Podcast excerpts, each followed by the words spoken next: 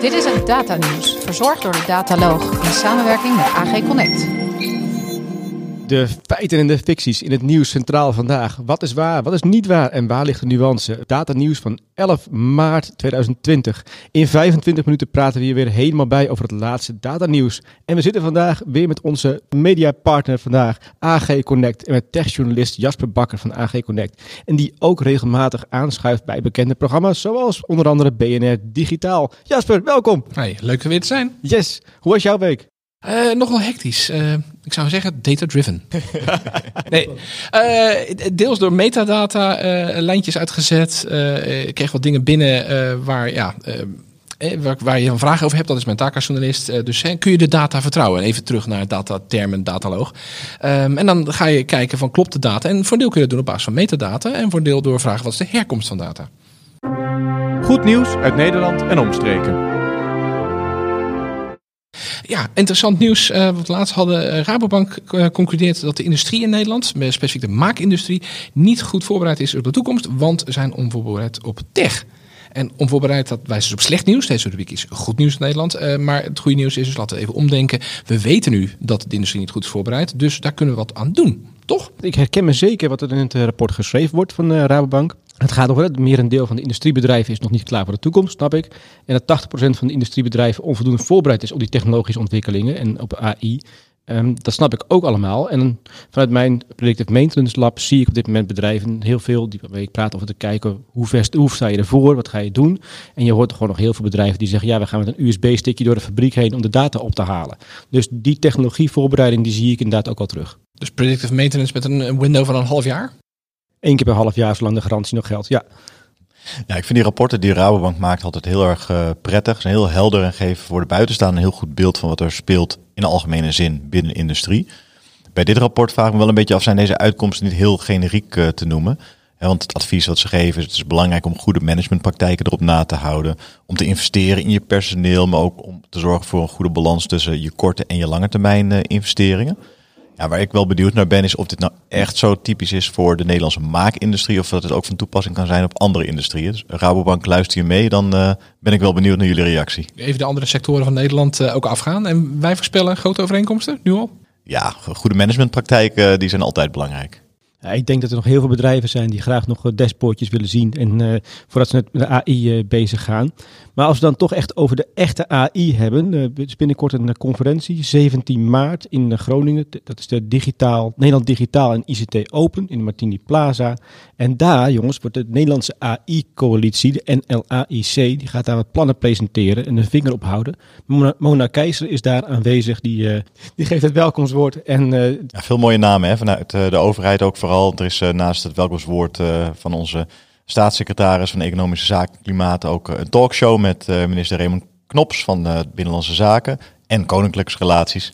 Uh, en dus, Jeroen Hoenkamp van Vodafone Ziggo en de Alliantie Digitaal Samenleven.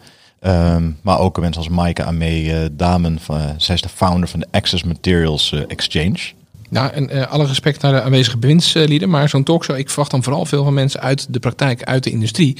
Uh, want smart industry, dat is nogal een breed, nogal een vaag begrip. En ik kan me voorstellen dat op politiek niveau dat dan wordt omarmd en wordt aangegrepen. Maar is het probleem niet dat heel veel mensen iets kunnen roepen van smart industry? Wat maakt dat nou? Wat is nou smart industry? Of industrie 4.0? Of nee, roep de buzzwords maar. Dus wil degene met waarde expertise opstaan? Nou, ik, hoge verwachtingen voor zo'n bijeenkomst waar een combinatie van die twee is. Niet alleen maar politiek, maar ook gewoon praktijk. Ja, ik denk ook zeker dat uh, dat heel belangrijk is en dat uh, de, de praktijk ook de politiek moet uh, kunnen uitdagen. En dat de politiek af en toe ook de praktijkbedrijven ja, moet kunnen verenigen. Hè. Komen jullie er samen uit en zorgen jullie zelf voor dat deze sector zich blijft ontwikkelen. En dat sluit ook goed aan, denk ik, bij het ja, de rapport van Rouwbank, wat we eerder al behandelden. Uh, kan je nog een paar interessante deelsessies uitlichten, Jasper? Nou, het, uh, het, programma van die dag is heel uitgebreid. Uh, ik dacht, ik klik even de plusjes open en ik scan wat. Maar dat is erg veel keuze. Erg rijk en ook heel uiteenlopend. Dus niet alleen maar rijk een bepaalde richting op. dus eigenlijk mijn, mijn snelle advies is eigenlijk voor de luisteraar van pik eruit wat op korte termijn voor jou, in jouw organisatie nuttig kan zijn. ben je al begonnen aan algoritmes, dan bijvoorbeeld een sessie over AVG-boetes bijvoorbeeld. boetes vermijden dus. maar zit je bijvoorbeeld in de mediasector en wil je lokaal gaan of ben je lokaal, neem die sessie over AI en het reactiveren van de lokale journalistiek. Ben je MKB'er en ben je nog niet zo online ondernemend? Dat kan, daar hoef je 2020 hoef je niet voor te schamen, maar wel wat aan doen graag. Ga dan die sessie doen over het ontdekken van online ondernemen. Enzovoort, enzovoort. Nou, ik ben in ieder geval wel be- heel benieuwd naar wat er aan het eind van de dag gepresenteerd wordt over de NLAIC en waar het geld zo meteen naartoe gaat. Er schijnen nog miljoenen zo meteen vrij te gaan komen vanuit de, vanuit de staat. En daar gaat het natuurlijk eh, via de NLAIC komt het bij bedrijven terecht. En ik ben heel benieuwd hoe dat gaat lopen. Feit of fictie?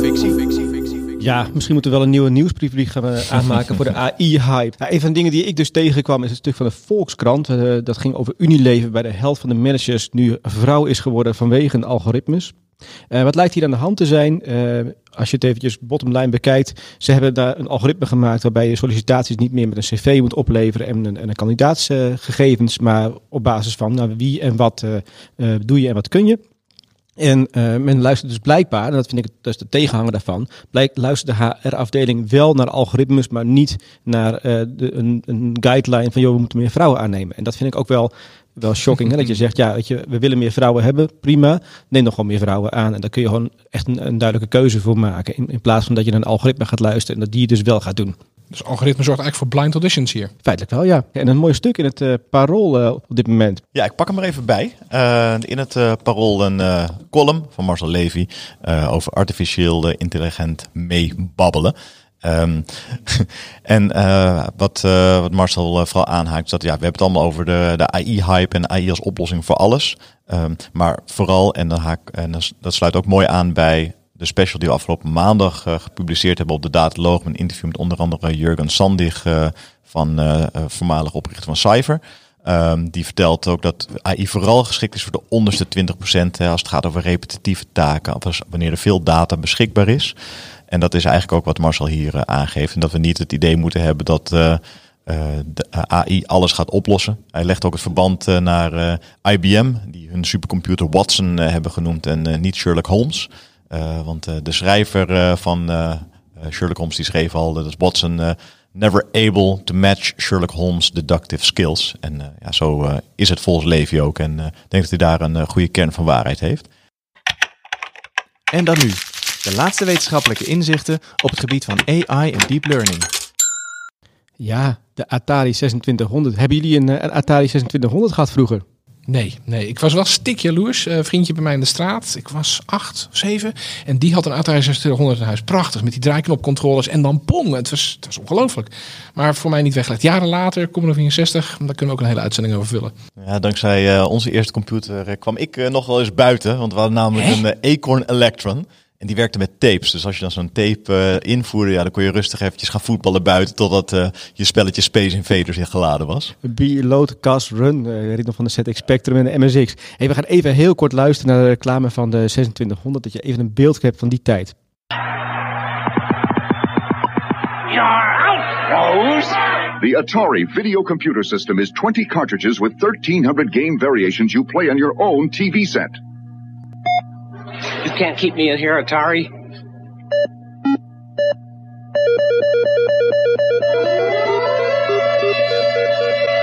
Tonight. Play it. Ja, geniaal, ook het geluid hoe het, eh, hoe het toen, nog, eh, toen nog klonk. Nou, eh, waarom kom ik met de Atari 2600 op? Ja, Jurjen, waarom kom je met de Atari Waarom gaan we het 2600? over de Atari hebben? Ehm, nou, ik heb een heel leuk paper gevonden. En dat gaat over catastrophic interference in Atari 2600 games. Of catastrophic interference wordt ook wel catastrophic forgetting genoemd. Eh, ik zal het een heel klein beetje uitleggen. Het gaat over reinforcement learning. Dat je een algoritme leert op basis van een, een simulator. Dus niet alleen data, maar je, je speelt een spel en je leert een algoritme een spel spelen. Een beetje AlphaGo-achtig. Ehm, maar wat je nou ziet binnen eh, dit soort systemen is catastrophic forgetting. En dat zie je ook binnen deep learning. Maar wat wordt er dan eh, vergeten? Eh, dat je de container niet hebt buiten, buiten gezet? Of in IT-termen welke containers waar ze al draaien? Ja, waar, waar, waar is mijn docker ook weer gebleven, bedoel je? Ja, precies. Nou, catastrophic interference. Het is, je traint een algoritme op één taak. Bijvoorbeeld, laten we zeggen dat je een, even van Wikipedia, een mooi voorbeeld. We trainen een neuraal netwerk op optellen en aftrekken. Dus we gaan eh 1 plus 1, 1 plus 2, 1 plus 3, 1 plus 4. En dat doen we tot en met 9. Ja? En dan weer omgekeerd eh, 9 plus 1, et cetera. Daar trainen we op. En dan kun je heel goed je algoritme trainen dat die de uitkomst voorspelt. Nu ga ik een, nog, een, nog een training ga ik doen, maar dan 2 plus 1, 2 plus 2, 2 plus 3 tot en met 9. En dan heb ik dus een tweede taak toegevoegd. Wat blijkt nou in heel veel van die, eh, van die algoritmes? Zodra je een tweede taak toevoegt aan een eerste taak, dan vergeet je de eerste taak. Dus scoor je heel slecht op de eerste taak. Nou, wat deden ze dan in het, eh, in het, eh, in het paper van, eh, van de Atari? Ze speelden een spelletje. En ze hadden een, een veld. Dat ken je natuurlijk ook wel van Mario, dat je ergens een, een groot, eh, groot veld hebt. En dan hebben ze een, eh, ja, ik vond het heel leuk, Memento Agent Observation. Nou, Memento, de film, die kennen we allemaal. Dat je dus een, alleen maar een stukje weet van, eh, van, je, van je geheugen en de rest alweer vergeet van de lange termijn.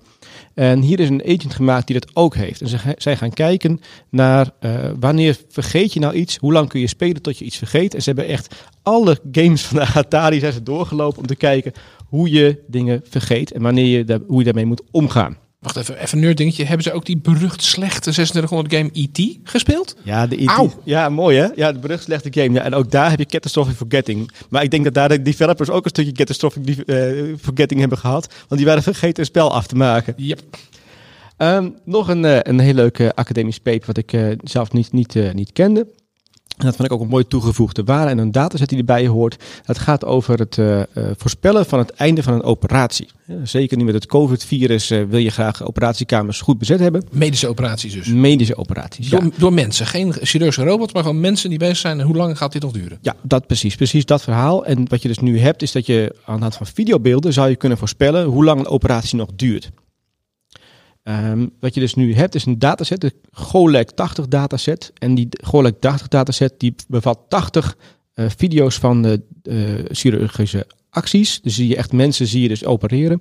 Eh, en op basis van die dataset, en de- in die dataset is ook getagd wanneer een, een, een, een, bepaalde handeling gedaan wordt, hoe lang die handeling duurt en wat de volgende fase is. Deze fase en de volgende fase is in, het, in de operatie. En vervolgens kun je op basis van de videobeelden kun je voorspellen eh, hoe lang de operatie nog duurt. En kun je op basis daarvan de het verbeteren van je planning, van je ja, operatiekamerplanning kun je van je doen. OK's, van je arts, eh, wanneer de anesthesist is. Ja, ja. Wauw, dat, dat belooft heel wat efficiëntie voor wachttijden. Cloudnieuws. Kost de cloud nou veel energie of kost de cloud nou niet zoveel energie? Eh, de vraag naar cloud en datacenters diensten is heel snel gestegen. In, eh, in, eh, in Nederland zeker vooral. We hebben natuurlijk veel datacenters hier. En heel veel in data-intensieve technologieën, zoals kunstmatige intelligentie, slimme systemen, energiesystemen. Hè, Denk nog aan de EnergyWorks eh, uitzending. Die kosten veel, veel energie, die zware algoritmes. Ongeveer 1% van het energieverbruik naar schatting wordt, heeft te maken met een datacenter. Dat is natuurlijk een enorme hoeveelheid. En er zit een duidelijke trend in. Dus we hebben een stuk gevonden over, het, over de energieanalisten. Die hebben gekeken naar hoeveel procent nou eh, de vraag gestegen is. En die kwamen erachter dat het niet heel veel procenten, dus eh, exponentiële groei van het ding is, maar ongeveer 6% gestegen is. Ja, ja, interessant. Hier eh, is natuurlijk wel wat ruimte ook weer voor nuance. Want ja, trainen van modellen, dat kost wel degelijk veel energie. En daarmee heb je ook te maken met emissie. Een mooi, artikel, eh, een mooi artikel gepubliceerd op de Open Access Repository Archive eh, beweerde bijvoorbeeld dat eh, de koolstofemissies voor het trainen van een basismodel voor natural language processing, dus het verwerken van natuurlijke taal, gelijk zou staan aan de CO2-emissie die wordt geproduceerd door de gemiddelde Amerikaanse levensstijl over een periode van twee jaar. Dus ja, dan zou je een nog robuuster model gaan trainen, dan verbruik je 17 jaar aan emissies van de gemiddelde burger. Oef, niet verkeerd. Ehm, maar vergeet even niet de voordelen die we uit, uiteindelijk kunnen halen. Als je helemaal getraind hebt, dan heb je het. Dus zeg ik even optimistisch. Maar goed, ehm, even iets anders. Eh OpenAI, eh, de non-profit organisatie, mede opgericht door eh, ene Elon Musk, ons wel bekend. Die zei al van de rekenkracht gebruikt in de grootste AI-trainingsruns is exponentieel toegenomen met een verdubbelingstijd van 3,4 maanden sinds 2012. Nou, dat is ongeveer de tijd dat GPU's een weg begonnen te vinden naar AI-computersystemen. Je hebt soms ook doorbraken die dan weer eh, kunnen verdisconteren, die minder energie kunnen verbruiken, die efficiënter kunnen zijn. Hè? Want GPU's hebben zo'n, grafische processors, hebben zo'n eh, eh, impuls gegeven aan allerlei trainingsmodellen, allerlei algoritmes, wat voorheen ons CPU-termen zou een super, supercomputer vereisen en dus ook heel veel energie. Nou, en dan nog maar wat nu nuance in te brengen. Weer een ander archief-artikel over Energy Policy Considerations for Deep Learning NLP. En dat gaat over hoe je algoritmes kunt optimaliseren voor minder verbruik van die, eh, dus de, op GPU's, zodat je minder verbruik hebt in het datacenter. Kortom, nuance is belangrijk, denk ik. Ja, want ook de wet van Moore is eh, dan eigenlijk niet meer van toepassing. Hè, op het moment dat je in deze tijd eh, modellen gaat trainen. Omdat eh het energieverbruik zo enorm toeneemt eh, door bijvoorbeeld neurale netwerken. En dan weer I- eh, IT inzetten om het energieverbruik door IT inzet te verminderen of in ieder geval te optimaliseren. Ja. Nou, Rabobank, onderzoek die industrie maar eens.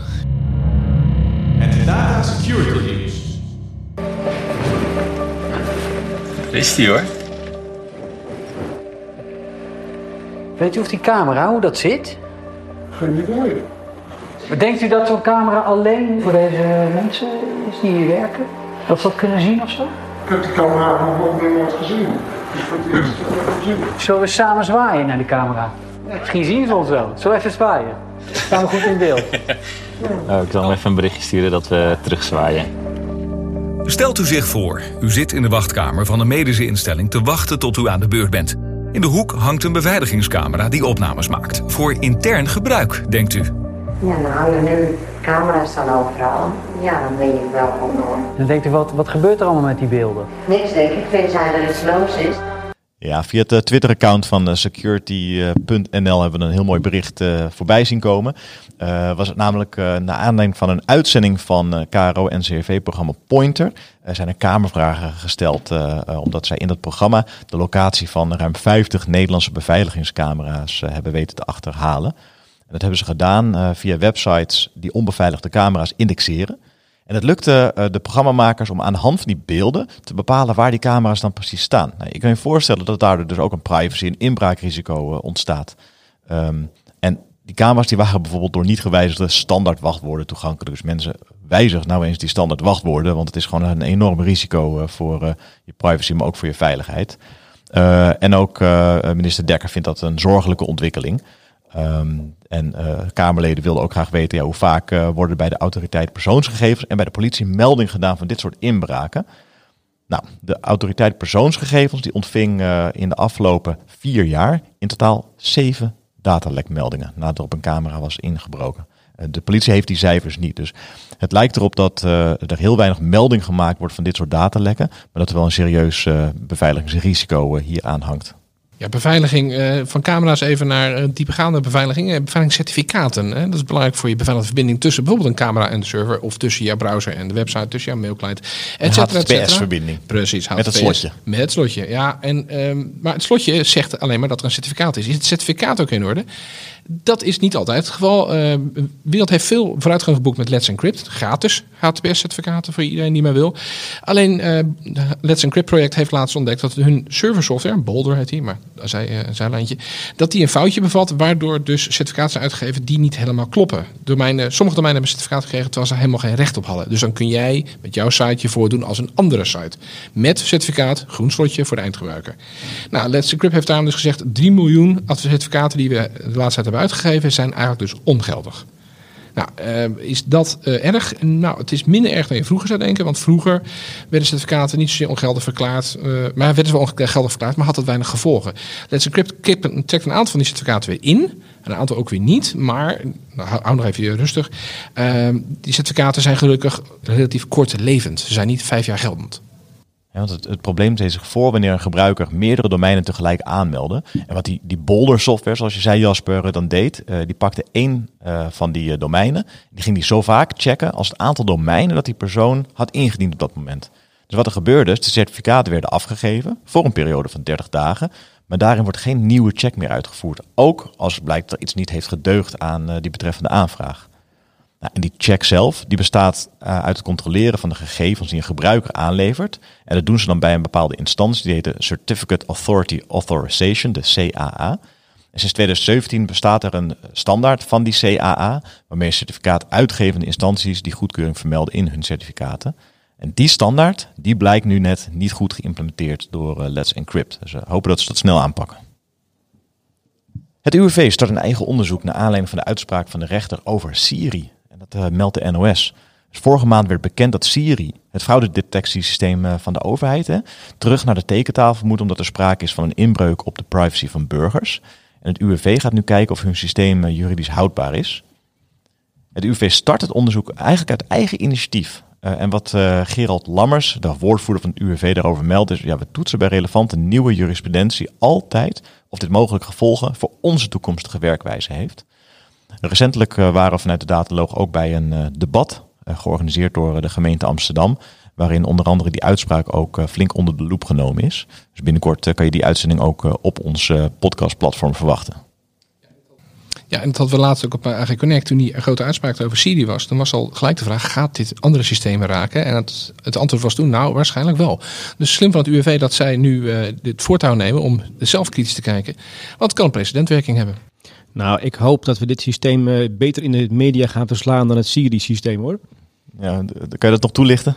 Nou, we waren dus toen bij de dataloog aanwezig in die impacthuis de Zwijger. Ja. En wat we toen hoorden, dat, dat vond ik wel erg shocking, is het, de, de krantenkop dat het Siri-systeem nog niet een enkele fraudedetectie gedaan had. Ja, dat klopt natuurlijk ook wel, want, ja, het is heel erg, het was nog niet geïmplementeerd. Ja, en daarom was er dus ook nog niet één geval uh, opgespoord. Ja, dus de overheid heeft wat dat betreft helemaal niet gefaald, maar gewoon goed gehandeld door uh, op tijd uh, het project stop te zetten. De data-agenda voor de komende maand. Ja, de uitgaansagenda, moeten we dat uh, deze week dan, uh, of de komende weken, misschien maar de niet-uitgaansagenda noemen? uh, heel veel events worden geannuleerd. Vrees voor het nieuwe coronavirus, COVID-19. Google Next is geschrapt. Um, Mobile World Congress was eerder al geschrapt. Facebook F8 developers conferentie is geschrapt. Google heeft net bekendgemaakt dat zijn jaarlijkse ontwikkelaars-event evenement I.O. wordt geschrapt. Had tussen 12 en 14 mei plaats moeten vinden. Dus we hebben het niet alleen maar over evenementjes in februari en maart. Nou ja, het ook voor ons een beetje jammer. Wij zijn er volgende week op CubeCon uh, gaan staan in de RAI, maar die is verplaatst. Die gaat naar uh, eind augustus. Um, maar een oproep aan alle Nederlandse luisteraars die op CubeCon zouden spreken.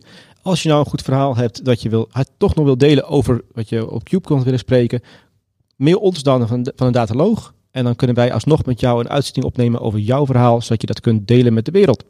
Ja, dat is namelijk het punt. Ik zeg wel geschrapt, maar heel veel conventies worden verschoven of inderdaad worden virtueel gemaakt. En jouw oproep hier is een mooi voorbeeld daarvan. Uh, doe inderdaad virtueel, doe het als een podcast, doe het als een vidcast. Misschien dat het uiteindelijk de doorbraak is van telewerken, teleconferencing, telenetwerken. Want hoe oud is teleconferencing eigenlijk wel niet? Hè? Mensen in IT, dat was toch ooit de grote belofte. Oké, okay, een korrig postzegelformaatje, je kon het niet goed zien. Uh, en tegenwoordig hebben we toch wel fullscreen, high-res beeld. We hebben groepsvergaderingen, we hebben stereo sound, surround sound. Dus ja, laten we het hebben over de blijf binnen agenda. Veel events gaan virtueel. En um, ja, ik ben toch hoopvol dat dat meer de trend gaat worden. Ook zonder de vrees voor ziektes. Ja, en uh, denk je dat dat goed gaat, Jasper? Ja, oké. Okay. Er zijn nog wel wat uitdagingen te nemen. Uh, technisch misschien, maar um, eigenlijk ook wel in de manier waarop we werken. Weet u nog die professor die in een live interview over de situatie in Zuid-Korea op tv was bij de BBC? En daar kwam zijn kind binnen en daar kwam de nanny. It's happen all the time. The question is how do democracies respond to those scandals?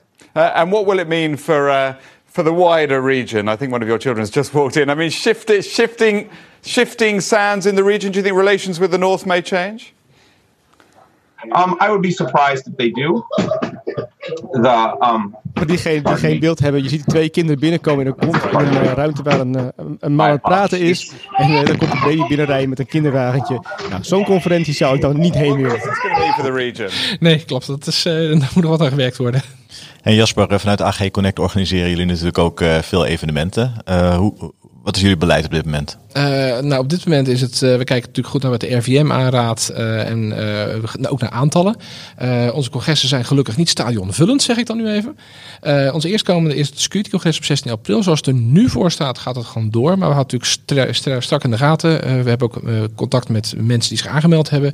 en daarop tot op heden een enkele afmelding. dus so far so good. Maar we houden in de gaten. En als het toch wordt verschoven, want ik zeg nu niet meer geschrapt, maar verschoven, maken we meteen natuurlijk een nieuwe datum bekend.